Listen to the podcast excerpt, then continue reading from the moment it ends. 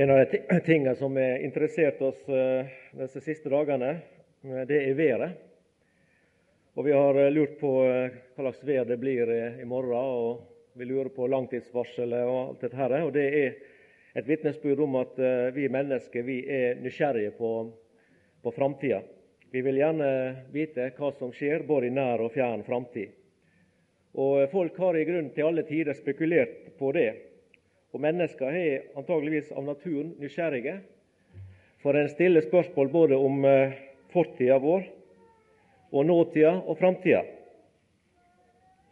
Det spekuleres i hytt og vær, som vi kjenner til. Og jeg tenkte litt på det at spesielt rundt eh, årsskiftet hvert år, da leser vi i aviser og hører ellers i, i media om mennesker rundt omkring, både i Norge og kanskje spesielt i enkelte andre store land i verden.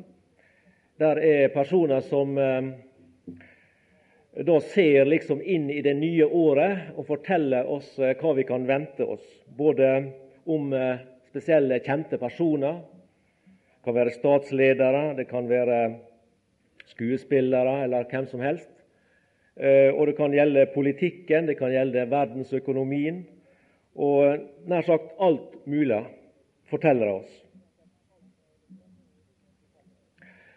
Men jeg vil være med å understreke det som vi har hørt flere ganger i eh, timene under denne samlinga, bibelsamlinga, og det er at det er bare ei kilde vi har til informasjon om framtida også, som er helt å stole på. Det er bare ei kilde som er truverdig for deg og meg, og som vi kan sette vår lit til, og som vi kan stole på 100% og det er Bibelen, Guds ord, sannhetsord, som det også er brukt som navn i Det nye testamentet. Og Jeg noterte meg opp her bare noen eksempel på Bibelens troverdighet. Hvis vi tenker tilbake til gamle testamentets tid og ser liksom for oss i store trekk, så eh, har Bibelen løfta fram både veksten og utviklinga, også fallet, for å bruke det uttrykket. Det er jo ei bok og kanskje film også som er laga for en del år siden, som heter 'Det tredje rikets vekst og fall'. Det gjaldt eh, Hitler-Tyskland og andre verdenskrig. Men det har vært mange verdensrike som har hatt sin vekst og har hatt sin utvikling og sitt fall. Og Det gjaldt Babylon, som vi har vært minnet om. Det gjaldt eh, det persiske riket, det gjaldt det helenske riket, det gjaldt Romerriket. Alt dette her, det har vært forutsagt i Guds ord. Bibelen forutsa, som vi har nevnt før, Jesu fødsel, når tid det skulle skje, hvor hen det skulle skje, av hvem det var som skulle bringe Jesusbarnet fram. Det Bibelen forutsa Jesu ord på korset, som vi også er blitt minnet om. Min Gud, min Gud, hvorfor har du forlatt meg? Og mange andre detaljerte ord om Jesu soningsdød. Det er nevnt i Det gamle testamentet. Bibelen forutså Jerusalem sitt fall, sin ødeleggelse i år 70 etter Kristus, og forutså at jødene skulle spreies ut til alle jordens folk. Bibelen har også mange andre ting som er nevnt, og som er blitt oppfylt til minste detalj, som vi var inne på forrige time hadde. Bare for å nevne noen få eksempler. Og Det spørsmålet jeg stiller, og som jeg også vil gi et svar på, og jeg håper du har det samme svar, det er at når Bibelen på alle disse og mange andre punkt ikke har feila i det hele, men til punkt og prikke har oppfylt de profetiske ord, er ikke det da rimelig å regne med at de uoppfylte profetiene, de som enda er liksom inne i framtida, som står der i Det nye testamentet og Det gamle testamentet, men som vi ikke har sett realisert ennå, er ikke det rimelig å anta og tro at også de vil bli oppfylt på samme måte til punkt og prikke. Mitt svar er ja. Det er det naturlig for oss å tro.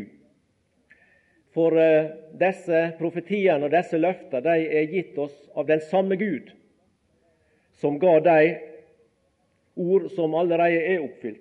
Og Derfor så har de også den samme autoritet. Gud har sagt det, og det vil skje.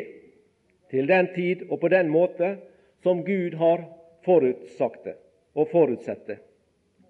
Og Jeg vil bare kort minne om eh, et par bibelplasser som allerede har vært framme i formiddag, for å være med å understreke og trykke på akkurat dette. Hvor viktig det er for deg og meg å holde på Bibelen, å holde den som autoritet for oss, for vårt liv, for vår lære, for det vi står for som Guds barn i denne verden. Og Vi kan lese da 2. Eh, Timotius 3, og jeg leser der fra vers 14.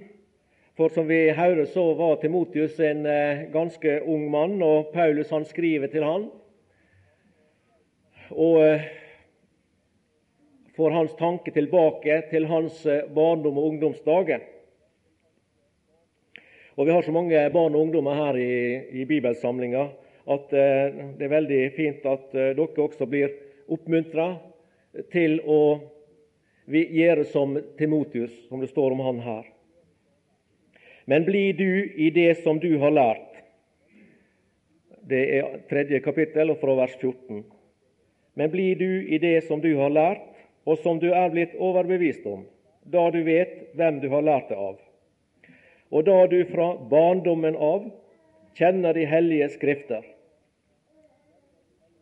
og Det var det som eh, jeg fikk oppleve for min del, og sikkert de fleste av dere som er her, at eh, mange av oss i hvert fall vokste opp eh, i en kristen heim med kristen mor og far, som fortalte oss om Jesus, og som førte oss inn i de hellige skrifter, også gjennom søndagsskole og på annen måte. Og eh, Seinere så ble det bibelkurs og bibelsamlinger. Og mange av dere som er tenåringer her, dere har vært med på slike samlinger siden dere knapt kunne gå, og har derfor, som her står, ifra barndommen av fått denne opplæring og fått denne kunnskap. Kjenner de hellige Skrifter, som kan gjøre deg vis til frelse ved troen på Kristus Jesus. Det er derfor det er så fint å se alle dere unge og barna, for det er de hellige skriftene, som har den evne, som har den makt, at de kan gjøre oss vis til frelse. Og som vi hører, det er Den hellige ånds tjeneste. Ånden er det som gjør levende. Og bruker ordet, dette ordet som vi har hørt fra Romerbrevet 10, troens ord, som vi forkynner, dette ordet som virker på forunderlig vis ifra Guds hjerte, via Den hellige ånd inn i vårt hjerte, og skape trua i vår liv. Den hele Skrift er innblest av Gud og nyttig til lærdom, til overbevisning, til rettledning, til opptuktelse i rettferdighet, for at det Guds menneske kan være fullkomment, duelig til all god gjerning. Det er dette som gir, gir deg og meg ro og gir oss tillit og trygghet i å hvile på Bibelens ord og på Bibelens løfte, at den hele Skrift, ikke stykker her og stykker der, men den hele Skrift er innblest av Gud og nyttig til alle disse ting som er nevnt her. Og Vi kan også ta med 2. Peter 1, som understreker det samme, sagt på en annen måte. 2. Peter 1, 19-21. Og dess fastere har vi det profetiske ord, som vi gjør vel i å akte på, som på et lys som skinner på et mørkt sted, inntil dagen lyser frem og månestjernen går opp i eders hjerter. I det I først og fremst vet dette, at intet profetord i Skriften er gitt til egen tydning, for aldri er noe profetord fremkommet ved et menneskes vilje. Men de hellige gudsmenn talte drevet av Den hellige ånd. Dess fastere har vi det profetiske ord, som vi gjør vel i å akte på som et lys som skinner på et mørkt sted. Ja, dette ordet, Guds ordet, Skriften, Bibelen, det har vi i sannhet som et lys som skinner på et mørkt sted. Og Det er kun dette lyset du og jeg har til å kunne rettlede oss og veilede oss gjennom denne verden. Dette ordet som skal være et lys for min sti og en lampe for min fot, som salmisten sier. Verden den ligger i det vonde, og verden er mørk. Det har vi fått malt for våre øyne her på samlinga. Det er ikke enkelt å leve i denne verden som et menneske, og det er heller kanskje enda verre å leve i vår tid som en kristen. Men da har vi dette lys som skinner i mørket. Og du og jeg som eh, er frelst, vi er også blitt lys. Vi er det lys som verden har til å lyse inn i sitt mørke med, ved at du og jeg eier Guds lyse. Vi eier frelsa. Vi hører Jesus til, ved Guds barn, og Jesus sier det 'Dere er verdens lys'. Og så skal du og jeg få lov å være et lite lys hver på vår plass, der vi kan eh, være med å lyse opp, slik at andre mennesker som lever i mørket, kan oppleve oss som Guds barn i hverdagen. Og gjennom våre liv og våre vitnesbyrd kan vi kanskje få være med og lede en og annen inn i frelsens trygge favn. Det er ikke menneskets vilje sto her, men de hellige Guds menn. Det syns jeg var så fint når jeg leste nå i, i dag igjen. De var Guds menn, og de var hellige Guds menn. De var utskilt. Gud han valgte dem ut, han plukka dem ut, satte dem til side og gav dem denne tjenesten. Å bringe oss Hans ord, Hans budskap. Talte, drevet av Den hellige ånd. Og Derfor så er denne Bibelen som vi har, den er å stole på. Og La vi holde Han fram, la vi stole på Han, og la vi ikke skamme oss for å stå på Bibelens grunn. Enda det skjer, som vi hører om i formiddag også, at vi kan bli latterliggjort, og at vi kan bli behandla som raringer på mange sett og vis. La det så være. Vi hører til seierslaget. Og et, en av de eh, profetier, altså framtidsord, som ennå ikke er gått i oppfyllelse, som er aktuelle og som er interessante for oss troens folk i dag, det er da dette skriftavsnitt som vi har lest tidligere, og som vi skal lese om igjen nå, fra 1. Tessalonika-brev, det fjerde kapittel. Og Hvis du skal sette noe overskrift over det som jeg vil si i ettermiddag, så er det eh, det at eh, hva vil skje ved Jesu gjenkomst? Det er i grunnen det som jeg vil tenke å minne oss om her i noen korte trekk. Vi skal lese 1. Salonika-brev 4 og vers 16 eh, og 17 nå. For Herren selv skal komme ned fra himmelen med et bydende rop, med overengels røst og med Guds basun. Og de døde i Kristus skal først oppstå. Deretter skal vi som lever, som blir tilbake, Sammen med dem rykkes skyer opp i luften for å møte Herren. Og så skal vi alltid være med Herren. Disse to versene her, de viser oss flere velsignelser som venter oss som hører Jesus til. Eh, det første det er at Herren kommer. Det andre det er troendes oppstandelse. Det tredje det er forvandling av de levende troende. Fjerde er samling med alle de hellige. Og det femte en evighet med Kristus. Det var fem ting, og jeg skal prøve å si litt om hver av disse punktene. For det første Herren kommer. For Herren selv skal komme. Og Hvis ikke du har gjort det, så vil jeg anbefale deg å gjøre det. At du streker under dette ordet 'selv'. Det er Herren selv som skal komme ned fra himmelen. Han skal komme personlig. Denne begivenhet, dette møtet her, det er så viktig og har en sånn karakter at Jesus han vil ikke sende noen stedfortreder. Han vil ikke sende erkeengelen Gabriel. Han vil ikke sende en av de andre himmelske vesen i et oppdrag her for å hente den dyrt kjøpte brud. Nei, når det gjelder Jesu gjenkomst, han vil komme sjøl, verken mer eller mindre. Han sender ingen i sin stad. Han vil komme i egen person. Herren selv skal komme ned. Eh, det finner vi også i et ord vi har lest tidligere, men som jeg gjerne leser igjen, fra Johannes 14. Johannes 14 og vers 3. Og når jeg er gått bort og har beredt eder sted, kommer jeg igjen og vil ta eder til meg, for at også I skal være der jeg er. Du ser her er det jeg og meg som er utheva. Når jeg er gått bort og har beredt dere sted, når frelsesverket var fullbrakt, og han hadde gjort alt klart til å ta imot frelste syndere inn i de himmelske boliger, så skal han komme igjen.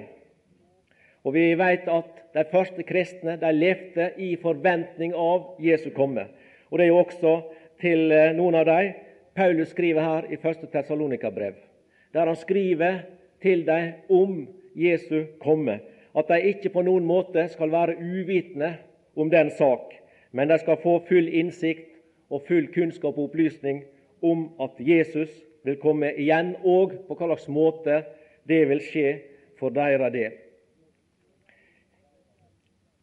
Jeg kommer jeg igjen og vil ta eder til meg, for at også I skal være der jeg er. Jeg husker han Dyrseth han uh, brukte å, å sitere ifra andre bibeloversettelser, som hadde et annet uttrykk for dette her at kommer jeg igjen og vil ta eder til meg. Han siterte ifra en oversettelse som uttrykte det slik vil jeg komme igjen og motta dere til meg. Og Da holdt han fram, og det syns jeg er en veldig fin tanke, også sett i sammenheng med det som vi har hørt her på samlinga om Den hellige ånd. Å motta dere, da ser jeg for meg at det er en del av Helligåndens gjerning.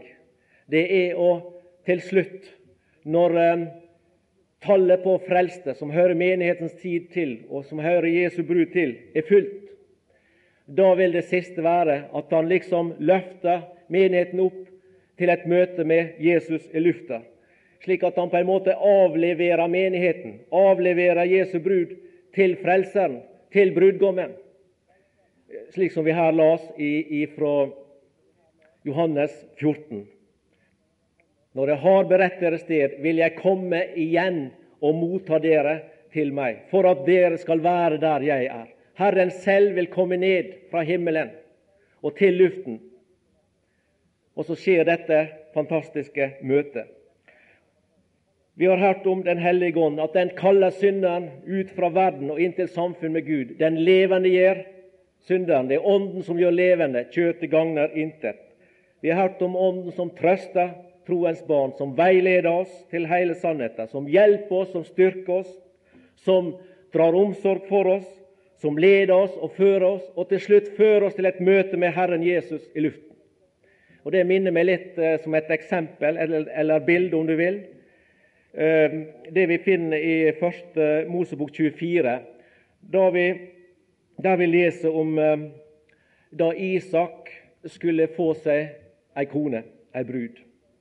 Og Abraham han sendte sin tjener av sted for å hente Isak ei brud.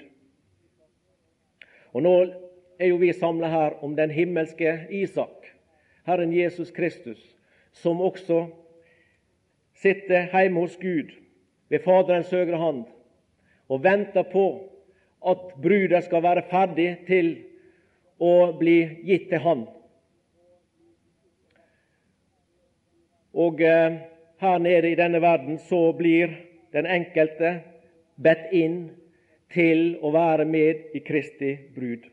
Vi skal ikke lese hele det kapittelet, det kan du gjøre sjøl. Jeg syns det er et veldig fint og velsigna eh, kapittel å lese. Og det tegner et veldig fint bilde av vår himmelske Isak og hans brud. Men skal, vi skal, kan gå inn i eh, vers 63. Det er mot slutten.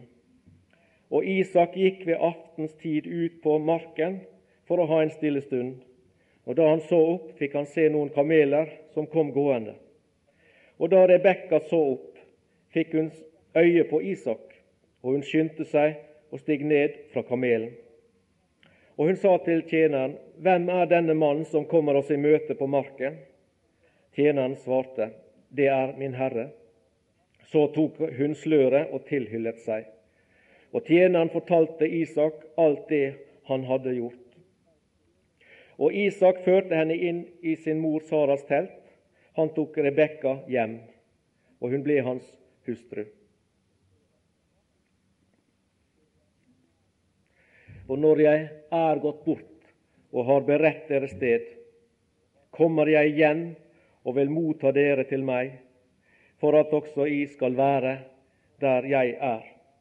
Og vi venter når som helst vår himmelske Isak, som skal komme ned til luften og motta sin brud, den himmelske Rebekka, og føre henne inn i Faderhuset, inn i himmelen, som her sto.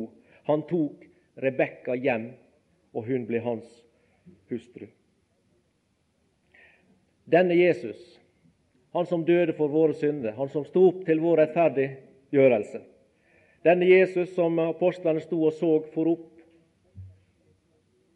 og gjennom himlene, og han forsvant for øynene deres, denne Jesus, ble det sagt der i apostelgjerningene 1 vers 11, denne Jesus er det som skal komme igjen, og som skal hente oss hjem som si brud. Og han skal komme, som vi leser her i Tessalonika-brevet, med bydende rop og med overengelsk røst. Og som vi var inne på en time tidligere, at eh, slik som Sauer uttrykker det, at eh, han kommer med uttrykk som eh, hører til det militære, med trompetlyd og med militære makt og kraft, og at han eh, nærmest erobrer bruden, for å si det på den måten, ut ifra den kamp og den motstand som vi kan anta vil være i himmelrommet, der ondskapens ånde her rår grunnen, når Herren Jesus skal komme og hente sin dyrt kjøpte brud og alle frelste, enten de ligger i grav eller de lever, alle frelste, de vil høre hans røst når han kommer med et bydende rop og med overengels røst og med Guds basun. Han vil, alle hans vil høre hans røst og vil følge han. Og denne han, han skal komme igjen hvem er han? Ja, han er vår frelser. Han er vår venn. Han er vår hyrde. Han er vår talsmann. Han er vår advokat. Han er vår ypperste prest. Ja, han er vårt alt. Det var han som det står om i Salme 33 og vers 9. Det var han som en gang talte, og det skjedde. Han bød, og det sto der. Det gjaldt den fysiske verden. Han sa 'bli lys', og det blei lys. Han talte, og hans ord hadde slik makt at det skapte av ingenting det univers som vi kjenner, og univers som vi ikke kjenner. For vi ser bare liten grann med vårt blotte øye. Det er bare en liten, liten prikk i det uendelige som du og får øye på når vi en vinterkveld går ut og ser på alle stjernene. Han talte, og det skjedde. Han bød, og det sto der. Det gjorde han inn i den fysiske verden. Og det gjorde han på en måte også inn i våre liv, ved og gjennom evangeliet. At inn i vår mørke verden, inn i vår synd og inn i vår vondskap og inn i alt det som romerbrevet viser oss, og som han Håkon har vært inne på, som finnes i vår natur og i vårt liv. Der talte han også gjennom evangeliets ord et 'bli lys', Og så blei det lys i oss, så blei det liv i oss. Så blei vi Guds barn, så blei vi gjenfødte. Så ga vi et gjensvar til himmelen. Herre, frels. Og så frelste han. Det er han som skal komme igjen. Han som har makt over det fysiske og har all makt i himmel og på jord. Han som også har makt over elementer, slik som vi kan lese det. Det er jo mange eksempel på det i evangelia, men jeg har plukka ut ett fra Markus kapittel 4, der eh, Jesus viser at han har makt til å stille stormen.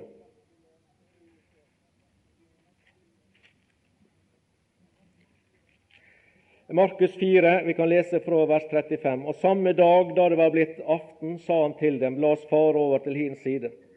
Og de lot folket fare, og, tok, og, og tok ham med seg i båten, som han, som han var.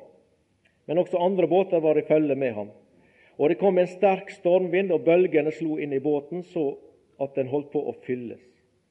Og han lå og sov bak i båten. Ja, det er det sanne mennesket. Det er mennesket trekk der. Han sov. Han lå og sov. Han slappa av på ei hodepute. Og de vekket ham og sa til ham, Mester, bryr du deg ikke om at vi går under? Og han sto opp, og så skjedde noe som viste at han hadde makt over elementet, at han var Gud. Og Han sto opp og truet vinden, og til sjøen sa han, Ti, vær stille. Og vinden la seg, og det ble blikkstille. Og, blir, og, han sa til dem, Hvorfor er de så redde? Hvorledes kan de være så vantro? Og de ble storlig forferdet og sa til hverandre, Hva er dette for en, så både vinden og sjøen er lydige? Han er det som skal komme igjen. Han som har skapt himmel og jord. Han som i sitt jordeliv hadde makt over elementer. Og han som viste sitt hjertelag på en fullkommen måte da han hang på Golgata kors og uttrykte disse ordene som har en sånn dybde i seg at vi ikke kan måle den dybde, og ikke kan fatte det som ligger i dette utsagnet, som vi finner i Matteus 27 og vers 46, og som også finner, vi finner i Salme 22 og vers 2. Matteus 27, 46. Og ved den niende time ropte Jesus med høy røst og sa:" Eli, Eli, lama sabachthani. Det er Min Gud, min Gud, hvorfor har du forlatt meg? Vi fatter ikke dybden av dette. Og innholdet, hva er det som ligger bak, og hva er det som er innholdet av dette utsagnet, dette ropet? Men vi skjønner at det var voldsomme saker. Vi skjønner at det var gjennomgripende ting. Og det beste det er at han gjorde det for oss. Han gjorde det for deg og meg. Han lot seg nagle til korset. Han lot seg behandle mennesker. Han lot seg bli betrakta som en forbryter blant forbrytere. Han led denne forbannelsesdøden. Forbannet er hver den som henger på et tre. Han gjorde det for deg, han gjorde det for meg. Han led døden, en rettferdig for urettferdige, med den hensikt og det formål, som Peter sier, for å føre oss fram til Gud. Han er det som skal komme igjen. Han som talte, og det skjedde, og bød, og det sto der. Han som talte slik at vind og sjø la seg. Og han som hang her på Golgata kors og sonte vår synd, betalte vår skyld og vår gjeld innfor Gud. Han er det som skal komme igjen. Herren selv skal komme ned med et bydende rop og med overengels røst. Og da skal alle hans, de som er i gravene, skal oppstå, og de levende skal bli forvandla, som vi skal komme til nå. Det ble jo sagt, det er en eller annen som har sagt det, og, og eh, det kan godt hende det hadde vært slik.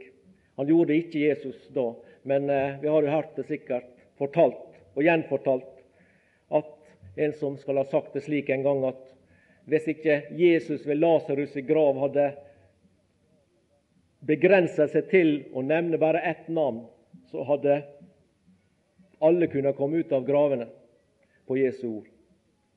Men Jesus han eh, sa 'Lasarus, kom ut'. Men når Jesus neste gang kommer med et bydende rop, da vil det være millioner av frelste som stiger opp av graven. Det neste punktet det var de døde i Kristus skal først oppstå. De døde i Kristus skal først oppstå. Og Dette uttrykket her, denne delen av løftet, det er et kjært og godt og varmt og trøstefullt løfte for de som må oppleve at de skal først oppstå. Det er ingen som skal komme i forveien for dem. Det leser vi her i vers 13, der Paulus holder fram, altså i 1. Tessalonika 4, der han holder fram Jeg kan lese verset, så jeg ikke sier noe feil. Men vi vil ikke, brødre, at de skal være uvitende om de hensovede, for at de ikke skal sørge således som de andre som ikke har håp. Det betyr at den sorg som en kristen har, som en troende har, når en må ta farvel med en av sine. Det er sorg, men det er ikke den sorg, ikke den type sorg som de har og har grunn til å ha, som eh, ikke hører Kristus til. Og så vers 18.: Trøst av hverandre med disse ord. Det skal være trøstefulle ord. Det skal være trøsterike ord. Disse ord som taler om at Jesus kom igjen, at Herren selv skal komme ned fra himmelen. De døde i Kristus skal først oppstå. Vi trenger alle sammen i vårt liv til trøst og til oppmuntring langs livsveien. Vi har hver våre stunder og hver våre tider. Der er det ting i livet som presser på, og som trenger på, og som gjør det vondt og vanskelig. Og Noe av det som kanskje er verst, det er nettopp dette å oppleve at en av våre kjære eh, forlater oss og at vi må følge dem til kirkegården. Men det er en som kan trøste. Det er han som vi har hørt om på denne samlinga. Han som har navnet All trøsts Gud. Vi synger en sang at døden kommer snart til hytten, snart til kongens borg. Og det er sant. Døden det er en del av livet. Den kan også komme i vår nærhet. Og vi vet at den fører med seg sorg, den fører med seg gråt, den fører med seg savn. Den kan føre med seg for mange ensomhet. Men heldigvis så har du og jeg et håp ut fra Guds ordet som gjør at vi ikke trenger å sørge slik som de ufrelste. Og Grunnen finner vi i disse ordene i 1. Tessalonika brev 4, som vi har lest. trøsterike ord å vite. At vi som lever, står det her, at vi skal ingenlunde komme i forveien for de hensovne. Nei, tvert imot. De skal først oppstå. Og så skjer der det neste punktet, da. Det er denne forvandlinga som skjer av de som lever. Og hvis Jesus kommer i de og mi levetid, så vil du og jeg oppleve denne forvandling, som vi leser om i, i 1. Eh, Korinterbrev, det 15. kapittel.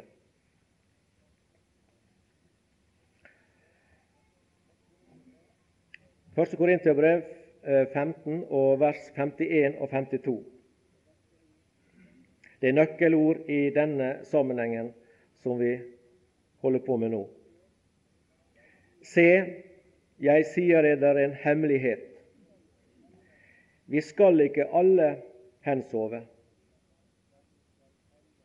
men vi skal alle forvandles.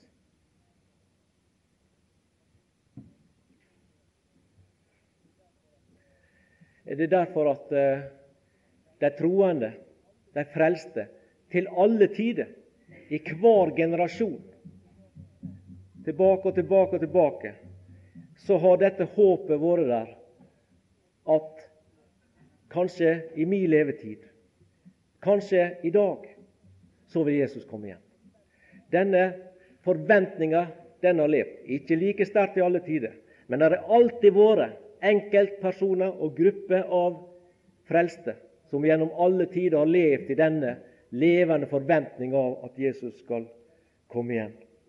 De venter ikke på døden, de venter på forvandling og opprykkelse. Og det er det her står. Vi skal ikke alle hensove. Det er ikke alle troende som vil oppleve å måtte gå om død og grav.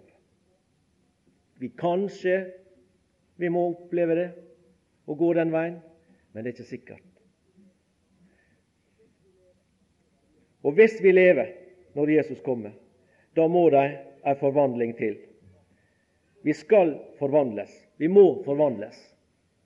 I ett nå, i et øyeblikk, ved den siste basun. For basun skal lyde, og de døde skal oppstå uforgjengelige. Og vi skal forvandles.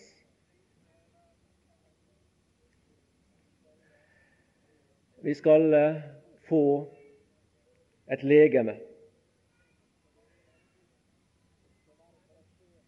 Og det skal være en karakter som er slik at det er ingen synd lenger. Ingen syndig tanke, ingen syndig lyst. Alt det gamle i så henseende, det er borte. Da kan vi si i den sammenheng, som ordet uttaler det, at det gamle er forbi. Se, alt er blitt nytt. Her går du ei og sliter på den gamle natur og på syndelegeme og alle disse tinga som eh, er i vår gamle natur, og som volder oss så mye sorg og volder oss så mye bry og volder oss så mange problem. For det fører oss ut i fall og i nederlag og i svikt på så mange plan. Men da skal vi oppleve en forvandling som gjør at vi går inn i den himmelske verden. Og alt dette vonde, syndige, triste, trasige, det ligger bak oss for alltid.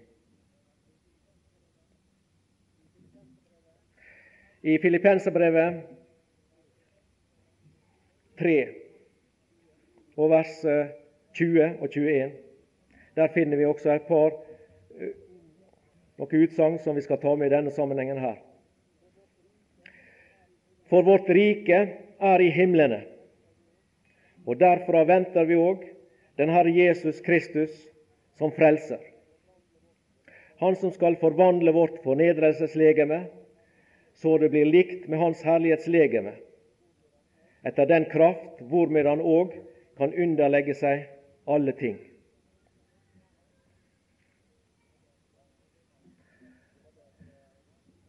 Vi hadde et uh, interessant møte hjemme for en tid tilbake, uh, da han Willy Sæter talte ut ifra dette ord.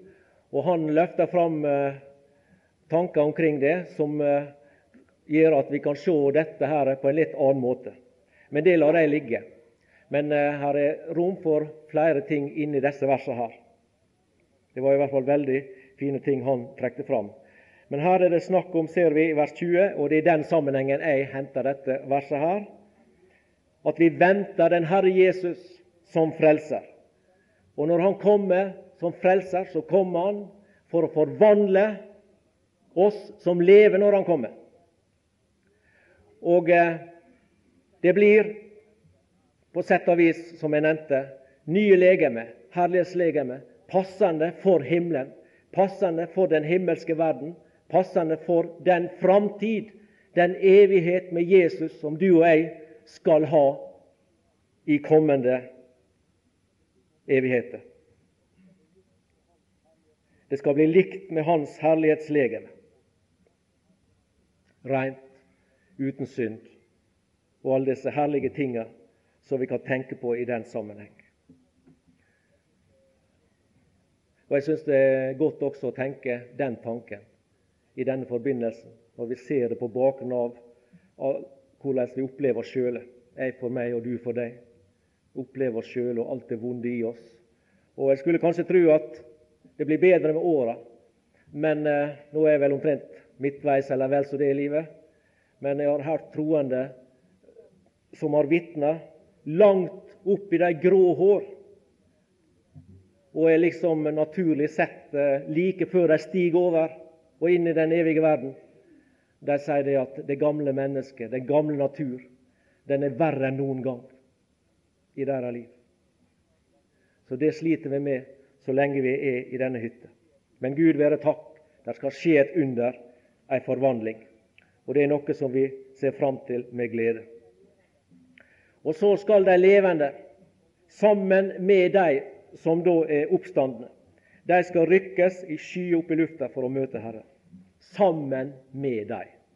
Sammen med dem. Da blir det ingen adskillelse lenger. Da blir ikke det noe avstand. Da er vi sammen, de som var døde i Kristus, de som levde i Kristus når han kom. Sammen så skal vi rykkes i skyer opp i lufta for å møte Herren. Ja, det er trøstens ord. Trøst da hverandre med disse ord. Men blir det herlig og blir det salig å møte de kjente og kjære, så er det best av alt for oss alle det å møte Han, møte Herren. Hvilken dag det skal bli når vi ser Han. Han som elsker oss og ga seg sjøl for oss. Han som i triumf sto opp fra grava på den tredje dag, og som i dag lever ved Faderens høyre hand. Han som vi leser om i Romerbrevet 8, og med liksom stadig stigende verdi, på en måte, selv om det er vel ikke helt rett å si. Men det, det kan nesten se sånn ut på ordbruken. Jeg tenker på Romerbrevet 8.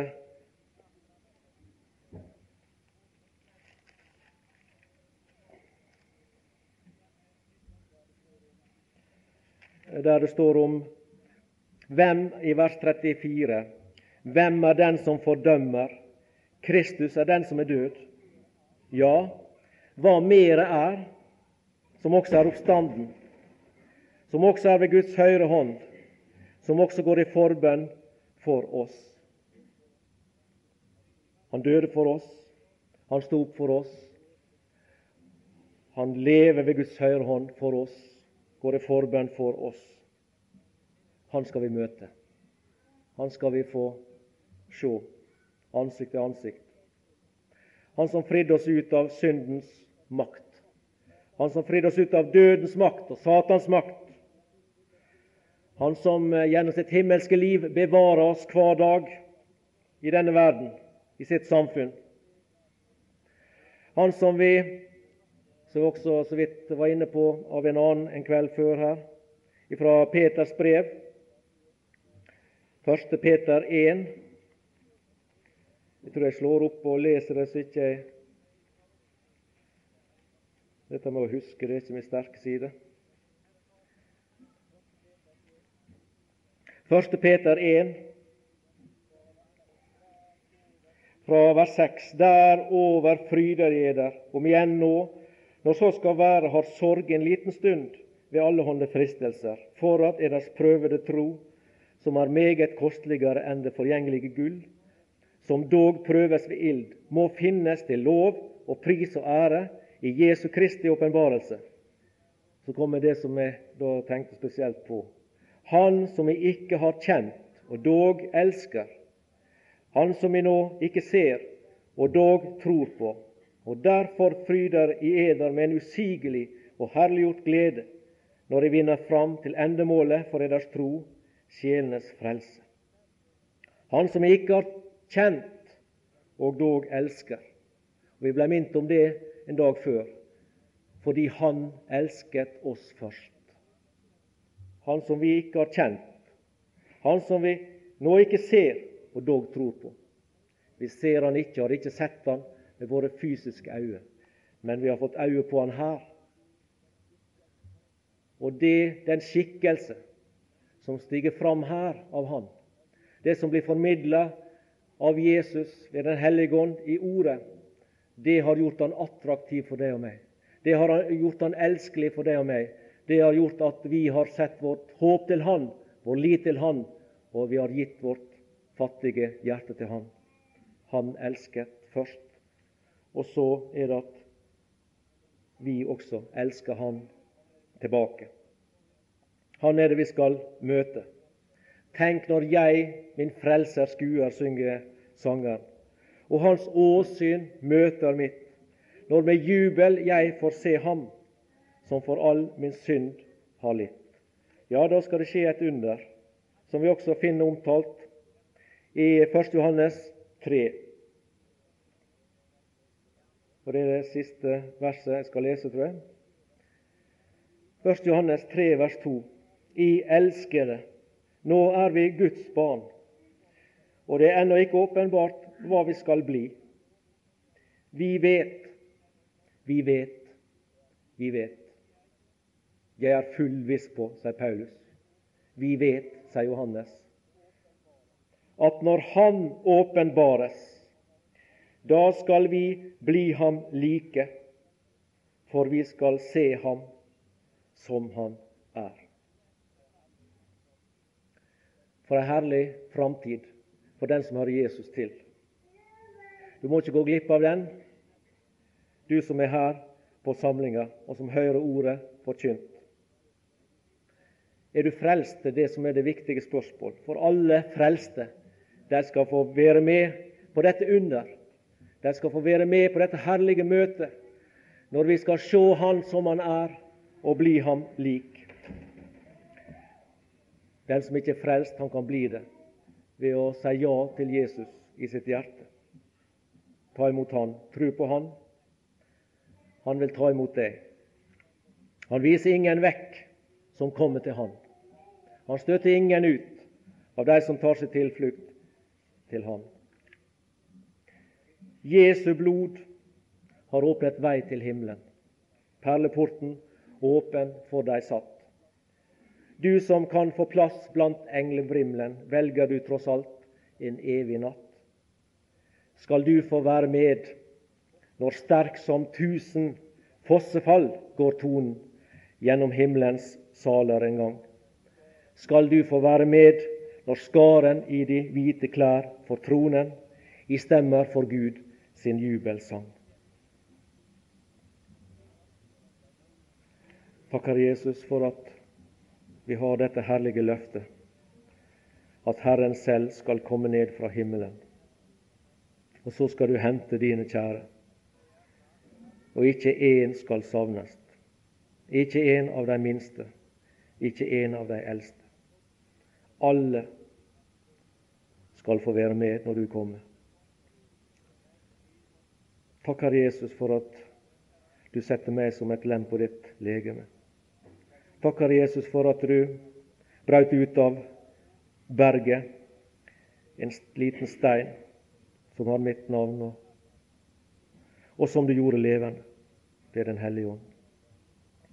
Og så er jeg sammen med alle andre, Herre, levende steiner som blir oppbygd til et hellig tempel, til et åndelig hus.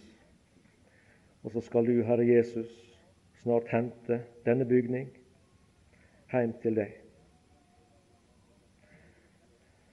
Det er herlig å tenke på, men det er også litt trist å tenke på det at vi har vært som ennå ikke er frelst. Og kommer du nå i dette øyeblikk, så, så blir de ikke med.